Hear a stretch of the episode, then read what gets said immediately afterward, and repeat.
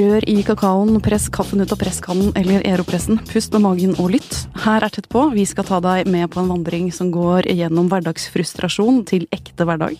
Videre gjennom lappeteppefamiliens gleder og utfordringer, og ender opp ved den ene store hemmeligheten du bør ha for partneren i senga.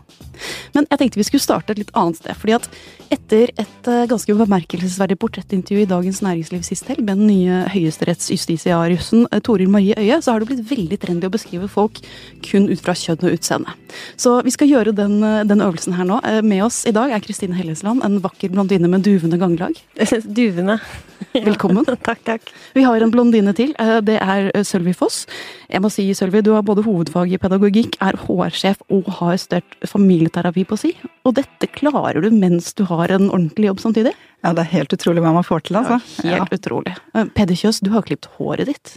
Jeg må si at Kinnbena dine kommer jo enormt mye bedre frem nå enn før. er det bra eller dårlig? Det er veldig bra. Takk. Og bare for å fortsette på dette utseendet og kroppspratet, Kristin Hellesland, uh, har du vært på vinterferie? Du, ja, det har jeg. Eh, I år har jeg eh, til og med vært i utlandet, i Barcelona. Du verden. Mm. Jeg har også vært på vinterferie, og da jeg kom hjem, så leste jeg meg opp på helt ny ferieforskning fra University of Georgia, hvor forskere har fulgt 122 personer som hadde vært på en tre ukers ferie, og funnet ut at de aller fleste veide mer da de kom hjem enn ja. før de dro. Da må jeg jo bare si at det syns jeg også var en veldig merkelig eh, Veldig merkelig å bruke forskningsmidler på, for det kunne de jo bare spurt eh, meg om. Hvem som helst om, egentlig. Hvem som helst, ja. ja. Eh, men så er det jo da noen innvendinger mot forskningen. ikke sant? Fordi alarm, alarm, du blir usunn av å ha ferie. Eh, men så er det da folk som har innvendinger og sier at eh, dette er 122 personer. Det er såpass få at man egentlig ikke kan trekke noen veldig tydelige konklusjoner. For det andre, de hadde lappet seg gjennomsnittlig 320 gram. Eh, det er det som du kan gå ned i vekt etter en helt vanlig dotur, ifølge en dansk forsker. Eh, og for det tredje så skilte de ikke mellom vektøkning og, eh, i fett og vektøkning økningen i muskler. Det kan være at disse forsøkspersonene rett og slett hadde jogget, løpt, pusha så mye vekter at de hadde fått mer muskelmasse. Eh, vil du si at det gjaldt deg etter Barcelona, eller var det mer tapas og, tapas og ost? Der var, der var det nok tapas og oljeost, ja. jeg syns det er deg vel unt, det. Eh, men jeg ble jo helt da ustoppelig på denne treningsforskningen jeg fortsatte. Fordi at det er også noen kanadiske forskere eh, som har forsket på trening og lidenskap. Og de sier at hvis du Eh, hvis du løper fordi at du bør løpe, du føler at det er en ting du, du bør gjøre, eh, så føler du mindre lidenskap, mindre dedikasjon og oppnår dårligere resultater enn de som løper fordi de er en løper. Mm. Altså identifikasjon, da. Jo mer du kjenner at du er sporten du driver med, jo bedre resultater mm. får du. Eh, er du en løper? Mm, ja, men jeg liker jo gjerne å se på meg som en løper i perioder. Men så, så på en måte så, så, skulle jeg ønske det var sånn som du sa. Eh, at man blir en løper av å tenke at man er, at man er det. Eh, og disse, sant, veldig mange av disse sidene som man jo følger på Facebook, der er det jo sånn eh, Se på deg selv eh, som en maratonløper, og så klarer du å løpe et maraton. Jeg løper nok utelukkende for å få, få meg, kunne dra på meg en trang bukse. Mm. Uh, ja. ja. jeg hadde lyst til å bare uh, gi disse canadiske forskerne en liten smekk på fingrene, eller en lett ørefik, fordi at hallo, uh, jeg løper, jeg. jeg trener yoga også. jeg syns jeg er ganske hardcore, faktisk. Jeg er på morgentrening to ganger i uka. Ja, du er kjempeflink. jeg er der kvart over seks, så det, det, er ikke innsatsen det står på. Mm. Men jeg ser jo ikke meg selv som å være en løper, eller å være en yogi. Jeg er en person som liker å spise potetgull. Jeg er en person som liker sjokolade. Det er det er min så, motivasjon. Så løpingen blir en straff? Eller en ja, eller, Løpingen ja, er et tisk, verktøy eller, mm, i mm, retning av mm, å kunne nyte. Mm. Det er det som er motivasjonen. Jeg har aldri mm. hatt det bedre på treningsmølla etter at jeg gjorde opp denne erkjennelsen. Så eh, hallo, motivasjonsforskere og andre forskere. Ja. Eh, jeg tror at det går helt fint å se på seg selv som en potetgullspiser. ja, veldig bra. Sølvi Foss, eh, vi skal over til deg. Du har hatt et prosjekt det siste året som handler om å gjøre hverdagen litt bedre. Og det startet ganske enkelt med litt dødsangst ved kjøkkenbordet en sen kveld. Ja, det er vel eh, Er det ikke det vi ofte har i 40-åra? Sitter ved kjøkkenbordet sånn en eh, søndag kveld og skal eh, forberede uka. Jeg satt der for et drøyt år siden og tok rett og slett fram kalkulatoren. Og så begynte jeg å se på liksom forventet levealder, og hvor lenge har du igjen, og, og liksom begynte å tenke litt på mine foreldre, altså, og mine besteforeldre, hvor lenge har de levd? Og fant ut at jeg selv da hadde levd i litt over 15 000 dager, og lurte på rett og slett er dette her alt? Skal det bare være sånn? Nettopp. Eh, og den der følelsen av er dette alt, er det en slags sånn samtidslidelse som forferdelig mange av oss har eh, for tida? Jeg tenker i hvert fall at dette er litt eh, et bilde på den generasjonen som vi er. Altså, Vi er jo en generasjon som ikke har hatt de store manglene. Vi har kunnet studere fritt, vi har fått det vi egentlig ønsket oss, vi har fått etablert oss. Vi har ikke hatt de store hindrene våre. Og så sitter vi jo der da på toppen av enhver behovspyramide og ser ned og tenker at hvorfor har jeg det ikke bedre? Er det, skal det være så kjedelig? Hvorfor er det ikke noe mer som venter rundt neste sving? Mm. Så jeg tenker jo det at vi er en generasjon som har alt, men eh, at det kanskje er hovedproblemet vårt, da.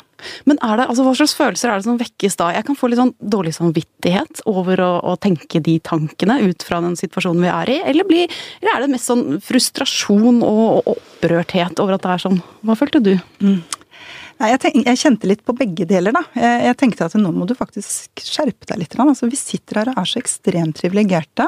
Og så merket jeg også i mitt eget liv da jeg begynte å se litt bakover og så på foreldrene mine og på hvordan de faktisk hadde etablert seg, da, eh, så ser jeg at jeg har vært mye mer eh, Altså mye mindre utholdende enn det de har vært. Jeg har kjedet meg mye fortere, skiftet arbeidsgiver, ektemann, alt som kan byttes ut, mens de har på en måte holdt sammen hele livet. Eh, og da tenkte jeg at det handler dette litt om at jeg har blitt enormt selvfokuserte, vi som vokser opp nå. Fordi at vi egentlig har eh, alt annet på plass. Da. Mm. I boka di som du har skrevet, som heter Ekte hverdag, eh, hvor du utdyper dette, så sier du bl.a. at vi, jeg har kommet i veien for vi. Mm. Eh, hva slags skader påfører det oss eller samfunnet? Det jeg tenker er at det er en veldig trend nå at alle kan få lov til å bli hva de vil, realisere seg, du fortjener det beste. Meg, meg, meg.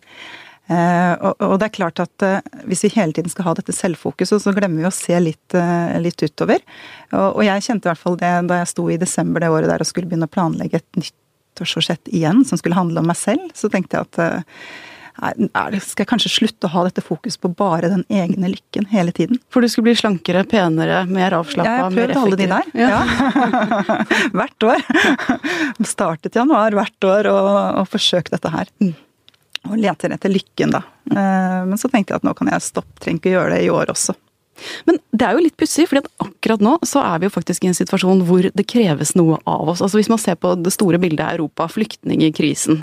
Eh, vi vet ikke helt hvor vi går, vi vet ikke hva den europeiske solidariteten er lenger. Vi vet ikke hvordan vi skal organisere oss sånn at samfunnet vårt holder eh, fremover man trenger jo folk i gatene, man trenger de kloke hodene, man trenger folk som mener noen ting. Likevel så er det bare så uendelig mye lettere å gå på treningsstudio og jobbe med magemusklene.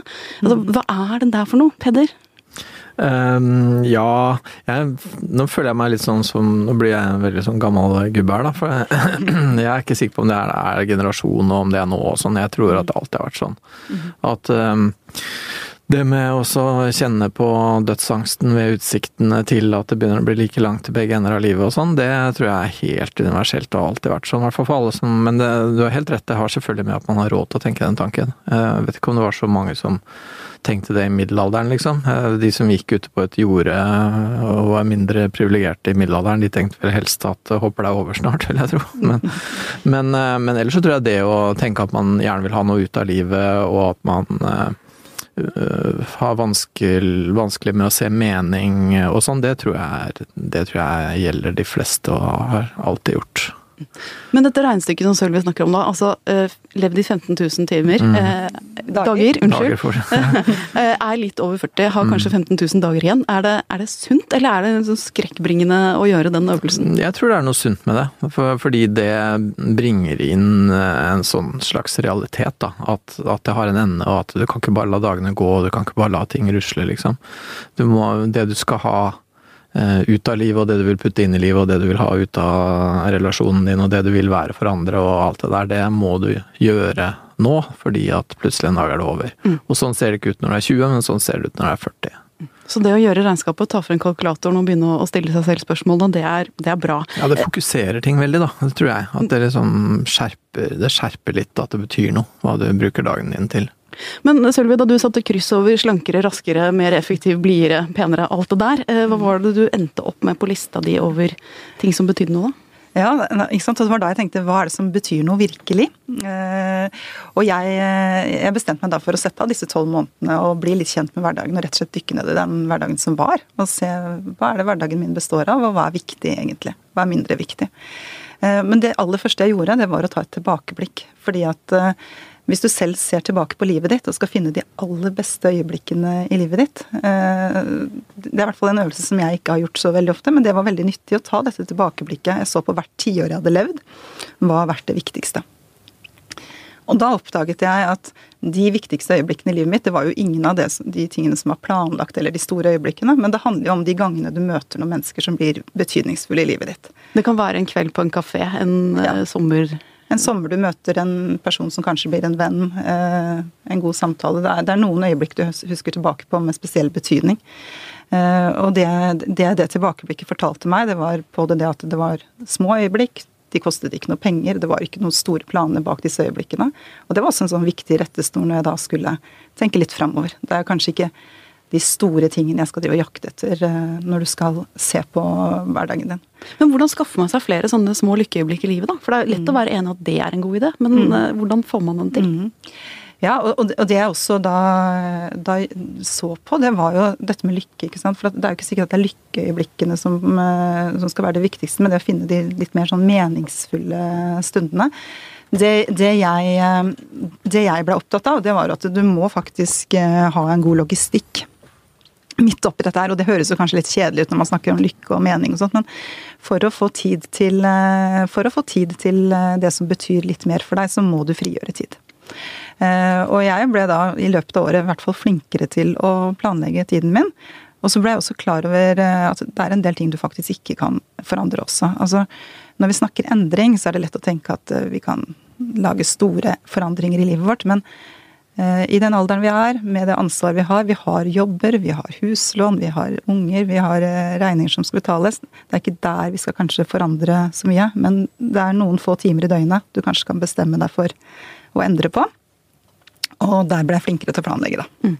Men altså, man kan tenke seg at uh, altså, det er mye, det er mye sånn forbedre livet ditt i tre grep, uh, inspirasjonsbøker om dagen, mm. som går i en helt annen retning enn det å planlegge og bruke kalkulatoren mm. og skrive inn i kalenderen. Det er mer mm. sånn fei alle ting til side og, og kjenn på hvordan du har det. Uh, har du tro på den litt mer sånn strukturerte inngangen til det, Peder? Er det, er det mer produktivt? Struktur er bra, det. Det er lettere å liksom få gjort det man har lyst til å gjøre, hvis man har struktur på en del av de tinga som man ikke har lyst til å gjøre.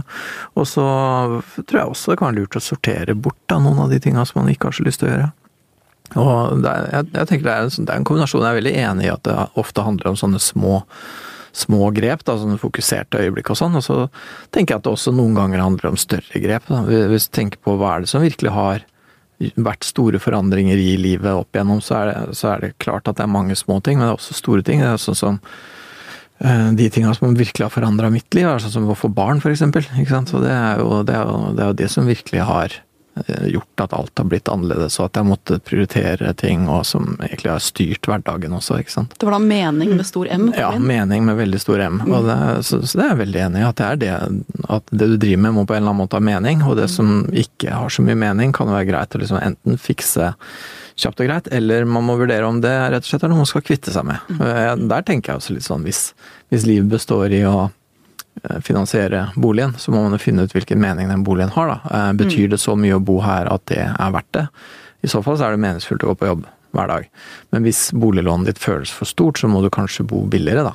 Eh, det liksom, hvis det ikke føles meningsfullt, så må du på en måte gjøre noe med det. Sølvi, hvilke, hvilke ting var det du satte strek over og ikke ville ha i ditt liv lenger? Altså, man kan jo av og til få en følelse av at det er altfor mange gjøremål som man bare har sånn 50-60% lyst til, mm. maks, eh, men som du gjør likevel fordi at det er forventet, eller mm. det bør du gjøre. Mm. Alt fra å dra på besøk til noen, eller mm. påta deg oppgaver, eller altså mm. hvor, hvor, eh, hvor langt kan man gå i å si nei, det skal ikke være en del av mitt liv?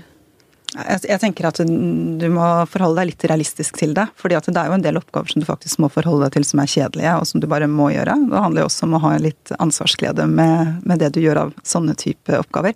Men det er jo en del andre ting du kan velge å takke nei til, eh, også overfor deg selv. Eh, helt konkret ting. Hvis du har eh, disse 24 timene som du skal eh, ha tilgjengelig, da, og så bruker du kanskje et par av de til å bare sitte og surfe på denne telefonen eller kalkulatoren eller hva du bruker tiden din på, da, så er det en sånn god ting som du faktisk kan velge å legge bort, og så kan du bruke den tiden på noe som du egentlig har mer lyst til. Mm. Eh, men ellers også i hverdagen eh, så kan du velge å være litt selektiv, men jeg sier ikke at du skal velge bort alt som er kjedelig. Vikke, altså du har jo tolv grep i boka di, ett for hver måned, på hvordan man kan eh, lære seg å omfavne hverdagen og bli litt bedre venn med den. Hvilke grep har betydd mest for deg? Ja, altså mange av disse grepene har betydd mye, men eh, det jeg ble veldig klar over, da, bl.a. ved å ta dette tilbakeblikket, det var jo at jeg så, eh, så veldig klart at jeg har noen, noen, mennesker i livet mitt som betyr mye for meg. Og som jeg kanskje ikke har vært flink nok til å holde kontakt med. For det er jo gjerne sånn at de aller beste vennene dine de er en sånn bonus. Du vet at de er der alltid. De kan gå, det kan gå et år, det kan gå to år uten at du snakker med dem, men likevel så er kontakten der. Men så ble jeg også veldig klar over at du må faktisk rydde tid til det, for det gir deg så utrolig mye hvis du bruker tid på slike. Mm. Eh, jeg tror at vi eh, noterer i morgen at å gjøre litt regnskap, eh, og deretter en plan for hvilke tiltak man skal gjøre, slett ikke er så dumt. Jeg skulle egentlig gi meg selv smekk på fingeren neste gang jeg nevnte 40-årskrisen, men, men, vi kan jo også notere at det er en fin ting å gjøre kanskje når du har levd 15 000 dager og har ca. 15 000 dager igjen, da. Peder Kjøs, forrige gang du var hos oss, eller i hvert fall en av de gangene du var hos oss, så dreiet vi så vidt inn på lappeteppefamilien. Altså det å, mhm. det å møte en person. Og det, Sølvi, Sylvi, det har jo du rett og slett skrevet en bok om tidligere. Jeg tenkte jeg mm. skulle, Det er det vi skal snakke om nå. Jeg skal først fortelle en kjærlighetshistorie, tenkte jeg. Det var en gang en bra dame og en fin fyr som møttes. De ble forelsket og skjønte ganske fort at dette det var den store kjærligheten. Aldri hadde de hatt bedre samtaler, bedre kjemi eller bedre sex. De ville leve livet sammen. Men så var det bare det at begge to hadde barn fra før, begge hadde ekser, tidligere svigerfamilier, venneflokker bygd rundt forholdet til eksen, og i det hele tatt. Så den rosenrøde kjærligheten ble fort forvandlet til et kaos, hvor alle andre menneskers følelser begynte å bety noen ting. Barna var ikke like forelsket som de var i det nye mennesket som kom inn i livet. Hverdagen ble et logistikkaos av kjøring og følging hit og dit. Hvem skal man feire jul med, hvilke hytter skal man dra på? Oh, um, låter det kjent? Høres kjent ut, ja. Det er sånn eh, ja, velkommen i klubben. ja, for du har rett og slett litt personlig erfaring med dette? Ja, ja, det har jeg personlig erfaring med. Og du også, Sølve? Ja da, jeg har vært der og er der. Eh, jeg sitter også med en sånn familie med fem mine, dine og våre barn. Mm. mm. Men eh, altså, da du møtte din nye mann, så eh, var det såpass dramatisk at du eh, bestemte deg for å utdanne deg litt i faget for å bli bedre på det? altså, jeg gjorde jo alle de feil som man skal gjøre. Vi forelsket oss, flyttet sammen etter en uke og hadde plutselig tre barn i baksetet i bilen som ikke kjente hverandre fra før. Um, og det kan man jo gjøre når man er veldig forelsket og optimistiske. Eh, og så ble jeg gravid etter et halvt år, og vi fikk et felles barn. Og da tenkte jeg at her kan det kanskje være greit å utdanne seg til eh, familieterapeut, så jeg gjorde det. Nøff sendt om det som skjedde på bakrommet da. Um, Peder, om, om, du skal trekke frem noen av de det vanskeligste, eller de vanskeligste tingene med å starte en lappeteppefamilie? Ja, Noe av det vanskeligste med det er jo nettopp det at den forelskelsesfasen krever ganske mye Eller tar mye energi, da, tar mye fokus, og man har veldig lyst på det også. Man har lyst til å være eh, to, og det er jo det naturlige. Og så har man da ganske mange andre som man er nødt til å ta hensyn til. Og, sånn at, eh, og, og det å være forelder til særlig til små barn, det krever jo også veldig mye. Sånn at det er noen helt uh, uforenlige uh, forpliktelser og interesser og um, veldig meningsfulle ting da, som ikke går i hop, liksom. Så det står, det står, mye på spill, det gjør det. Mm. mm. Og, og, derfor så, ja. Så folk sliter veldig med det, altså. Det gjør det. Det er uh, vanskelig å få de tingene der til å gå på en god måte. Mye dårlig samvittighet. Er det, også, er det også slik at man begynner å få et altså kjærlighetsfølelsen skal gå i så mange retninger plutselig. Altså det, det, å få to nye barn inn i livet sitt, da, for. Eh, blir forventningene til hvor fort man skal begynne å elske dem, eller hvor fort partneren din skal begynne å elske dine barn, er det også noe som bidrar til å komplisere dette bildet? Ja, jeg, tror, jeg tror kjærlighetskapasiteten er ganske stor, da. Så, så jeg, jeg, tror egentlig at de fleste av oss kan være veldig glad i mange. Men eh, så, så jeg tror egentlig at det er mye det sånn eh, praktiske og forpliktelsene, da. Og, og også det, det, det, der med at man blir oppslukt, ikke sant. Og så er man oppslukt i flere ting på en gang, og det blir veldig Det blir vrient. Mm. Men hva med disse følelsene for alle de andre menneskene som står rundt, da? Altså, eh, Eksen er jo ofte mm. litt sånn spøkelse i dette bildet. Mm. Hvordan skal man forholde seg til eksen på best mulig måte? Ja, jeg tenker i hvert fall at det er viktig å finne en god løsning eh, for disse eksene også. Det, og det er jo gjerne slik i en lappeteppefamilie at man har flere eks. Altså man har hver sine ekser, og de har gjerne etablert seg på nytt også. Det er så mange voksne i, i dette bildet her. Eh, og jeg tenker at vi voksne har et spesielt ansvar for å få denne kontakten til å fungere til det beste for ungene. Mm. Men hva er det beste, da? Altså, hvor, hvor gode venner skal man være med eksen? Skal man være så god venn at man, hvis man krangler litt i sitt nåværende forhold, skal man bare svippe over til eksen og fortelle hvor forferdelig det er? Eller skal man feire jul sammen? Skal man, skal man holde en litt sånn sunn avstand? Hva er smart? Det er vanskelig å svare på, men i førsten så er det ofte lurt å være så saklig som mulig, da, i den grad man klarer det prøve å ikke være verken eh, altfor glad i eller altfor sinna på eller altfor lei seg, men prøve å være saklig. Prøve å liksom følge en eller annen rute. Ungene fra onsdag til eh, hva det måtte være. Være sånn helt Gjerne ha tydelig, skriftlig, enkle ting som man egentlig ikke trenger å føle så mye rundt. da. For man føler mer nok som det er. Så hvis man klarer å rydde opp i noe av det ved å lage seg eh, ryddige systemer og forholde seg til det, så tror jeg det kan være en ganske stor hjelp. Og så går det seg til, da. For det er også man, Det tenker man jo ikke når det har gått eh, mm. to måneder eller tre måneder, men rundt når det har gått et års tid, så går det seg til, liksom, for de aller fleste. Det gjør faktisk det. Så for, for dette er jo ikke noe, det er jo ikke noe nytt, det er jo ikke noe som ble funnet opp i fjor, det her med å lage lappeteppefamilier heller. Det er, liksom, det er også noe som har vært gjort mye. Og de fleste takler det rimelig greit, liksom. Egentlig. Det er, eh, noen kommer opp i veldig store konflikter, og noen får det veldig vanskelig, men for de fleste så går det seg til. Men det tar tid, da. Det tar halvt år til et år, liksom. Jeg har også sagt at uh, til de som nå har eh, gjort det samme som det jeg gjorde for noen år siden, så er mitt beste råd altså lag gode avtaler som kan vare en periode også. Du trenger ikke å løse de neste ti årene når det går fra hverandre. For det er mange følelser i starten. Finn en god måte å samarbeide på det første året eller første halvår eller hva dere klarer å få mm. til, og vær saklig mot hverandre. Ikke begynn å snakke dritt om eksen din foran barna, og hold en saklig tone. Mm. Det er det, det er stort poeng det med kort mm. tenke kort, egentlig. Da. Mm. Lage en avtale for to måneder, og teste mm. ut tre måneder. Og så mm. ikke tenke at liksom å nei, de neste 20 åra. Mm.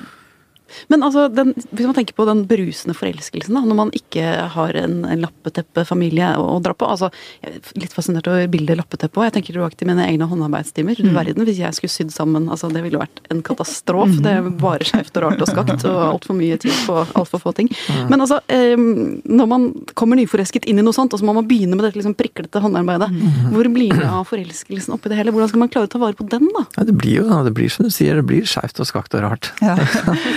For, for det, det, blir ikke sånn. Det blir ikke sånn at liksom det er vi to i bobla vår, liksom. Nei. Det blir bare ikke det. Så det, det er liksom det aller første du må venne deg til. Da, det er at det her blir terningkast fire, ikke terningkast seks. Ja. Jeg husker jeg fikk sjokk første sommeren. Eh, vi skulle på ferie. Og, eh, og så Du tenker jo egentlig vi skal på ferie, vi skal planlegge mm, dette. Særlig. Mm, særlig, ikke sant. Så begynte jeg å telle opp hvor mange voksne mennesker som egentlig måtte involveres i denne ferieplanleggingen. Det var elleve. For at når du begynner å da telle bakover med eksen din og den nye partneren, og så hadde den nye partneren til eksen din også en eks. Og alle disse her hadde sin mening om når de ville ha sommerferie. Og da kan du ikke komme der og si at jeg skal ha tre uker sammenhengende, og det skal være i juli måned. Du må finne kompromiss, rett og slett. Veldig, og det blir ikke smooth, ikke sant. Og hvis du tror det, så går du bare så rett i veggen. Mm. Kristine, vi har jo varmet opp til denne praten, og du var litt sånn opptatt av eh, hvor blir det av deg selv i det hele? Ja um, Skal du ha deg sjøl, altså? Ja, ja. Hva forlanger om dagen? Ja, ja, det er jo det jeg tenker når jeg hører på dere, at det var kanskje, det var vel, kanskje mye for langt.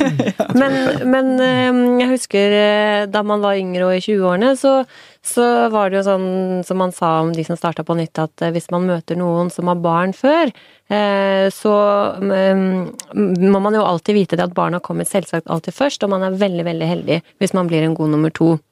Og det syns jeg jo høres veldig klokt ut. Samtidig så er det jo sånn spørsmål Er det hvor, eh, eh, hvor går grensen mellom den veldig sånn fine balansen eh, mellom å sette deg selv til side og bli helt selvutslettende, også mm. i forhold til nye barn, da, eh, hvor, hvor, det kanskje er viktig å også vise seg selv fra en sterk og voksen side. Hvordan balanserer man, hvordan balanserer man disse jegene i det, i det store og mm. nye? Ja, hvordan balanserer man det? Det, det balanserer man sånn måtelig godt. vil jeg si. Terningkast fire der òg. Terningkast fire der, da. Ja. For det, ja, ikke sant. Nei, det er jo liksom min egen erfaring, og jeg satte jo min nye kjæreste i den situasjonen at jeg hadde et barn fra før, ikke sant. Og det er jo klart det at eh, i noen grad så ble hun nummer to. Og det var hun bare pen nødt til å finne seg i, liksom. Og jeg var også pen nødt til å liksom Ja, ok, jeg satt i den situasjonen, liksom. Og, og også meg sjøl, da. Og det, det, er ikke, det, er ikke, det er jo ikke det at det er greit og at det er strålende, det er jo ganske vanskelig. Og så må man på en måte liksom prøve å hekle det opp så godt man kan, da. Det er rett og slett å balansere de Ja, ja. ulike kjærlighetsforholdene i, Ja, ja, jo- i, innenfor de nye fire veggene. Nettopp. Og så finne gjerne liksom Prøve å ikke tenke på det altfor mye som bokser heller, da. Men prøve å tenke på det som en slags helhet. En slags, et slags dynamisk hele, da. Men er det noen fordeler da ved det? Altså, for det høres jo fryktelig vanskelig ut, men kan man også tenke sånn Yes, jeg blir sammen med en person som har barn allerede. Jeg vet at han er en god forelder, eller hun er en god forelder. Dette er ikke en person som har liksom eh, drømmer om å starte en risk business på en stillehavsøy som jeg ikke kan stole på for fem øre. Dette er et menneske som har noen kvaliteter som jeg setter pris på. Ja, og jeg, jeg tenkte i hvert fall da jeg eh, møtte min mann, og han hadde barn fra før, og jeg hadde barn, så syns jeg det var et veldig godt utgangspunkt at vi begge hadde det, da. Eh, For da var vi på en måte Vi, hadde, vi visste veldig godt hva kjærlighet til eh, barn var. Og, så, og så har man på en måte også gått gjennom kanskje et samlivsbrudd og vet hva det innebærer. Så, så det fins jo noen, noen ting som er en verdi midt oppi denne oppstarten. Mhm. Eh, og terningkast fire som, eh, som terningkast på livet, det er ikke så ille. Altså, det høres jo litt sånn lunkent ut. Du vil helst ha en femmer. Men det er fire det blir. Nei da. Men eh, ja. Nei, jeg jeg tenker det med at man At det er kvaliteter i det også, det, det er jo klart at det er det, ikke sant. Det det jeg var veldig heldig sånn sett, da, med at min eh, nye kjæreste tenkte at jøss, han er far, han er sikkert en strålende kar, liksom. Eller hva hun nå tenkte. Det, jeg, jeg, tror hun så på det som det at jeg liksom var det og var opptatt av det og investerte i det. Jeg tror hun syntes at det var litt kult, liksom. Eh, og terningkast fire er forventelig mye bedre enn eh, alene på hybel eh, terningkast to. Eh, Ja, det kan være ok, det òg. Altså, vi ser jo det. Så.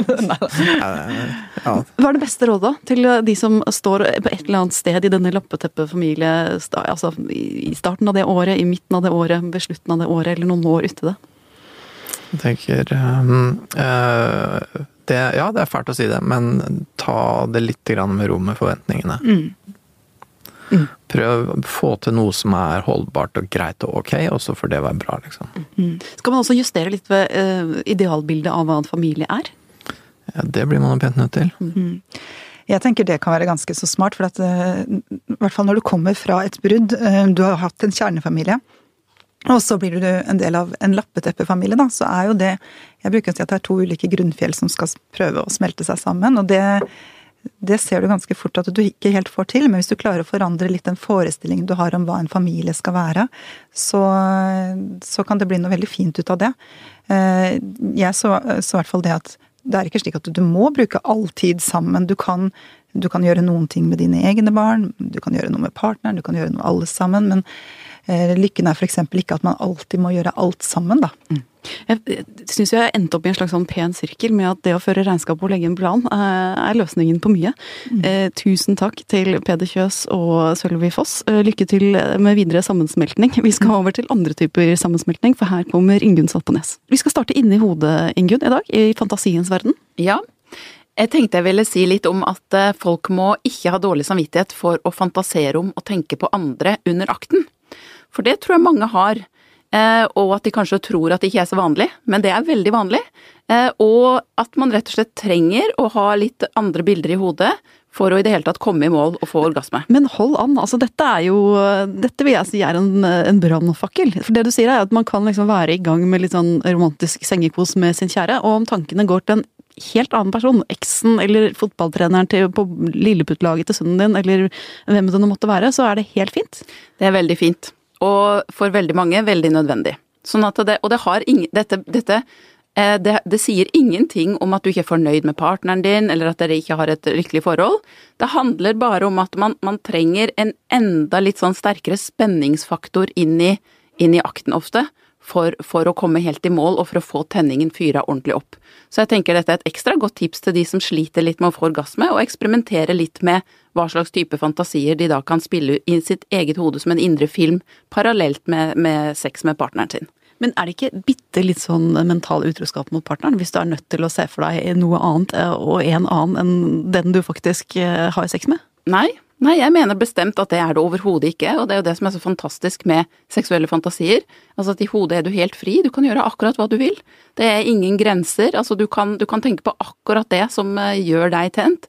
Men det er klart at nettopp fordi du kanskje da tenker på Eh, broren til partneren din eller eh, nabokona eller altså, ikke sant. At det, det kan jo også være en, en, person som kan oppleves truende hvis du begynner å fortelle om dette her. Så er dette en fantasi du overhodet ikke skal dele med partneren. Nei, dette er den hemmelige fantasien. Dette er den hemmelige fantasien som du skal beholde for deg selv. Mm. Eh, hva tenker du Kristina? Altså, se på andre personer som en sånn lagspiller, en hemmelig lagspiller i akten. ja.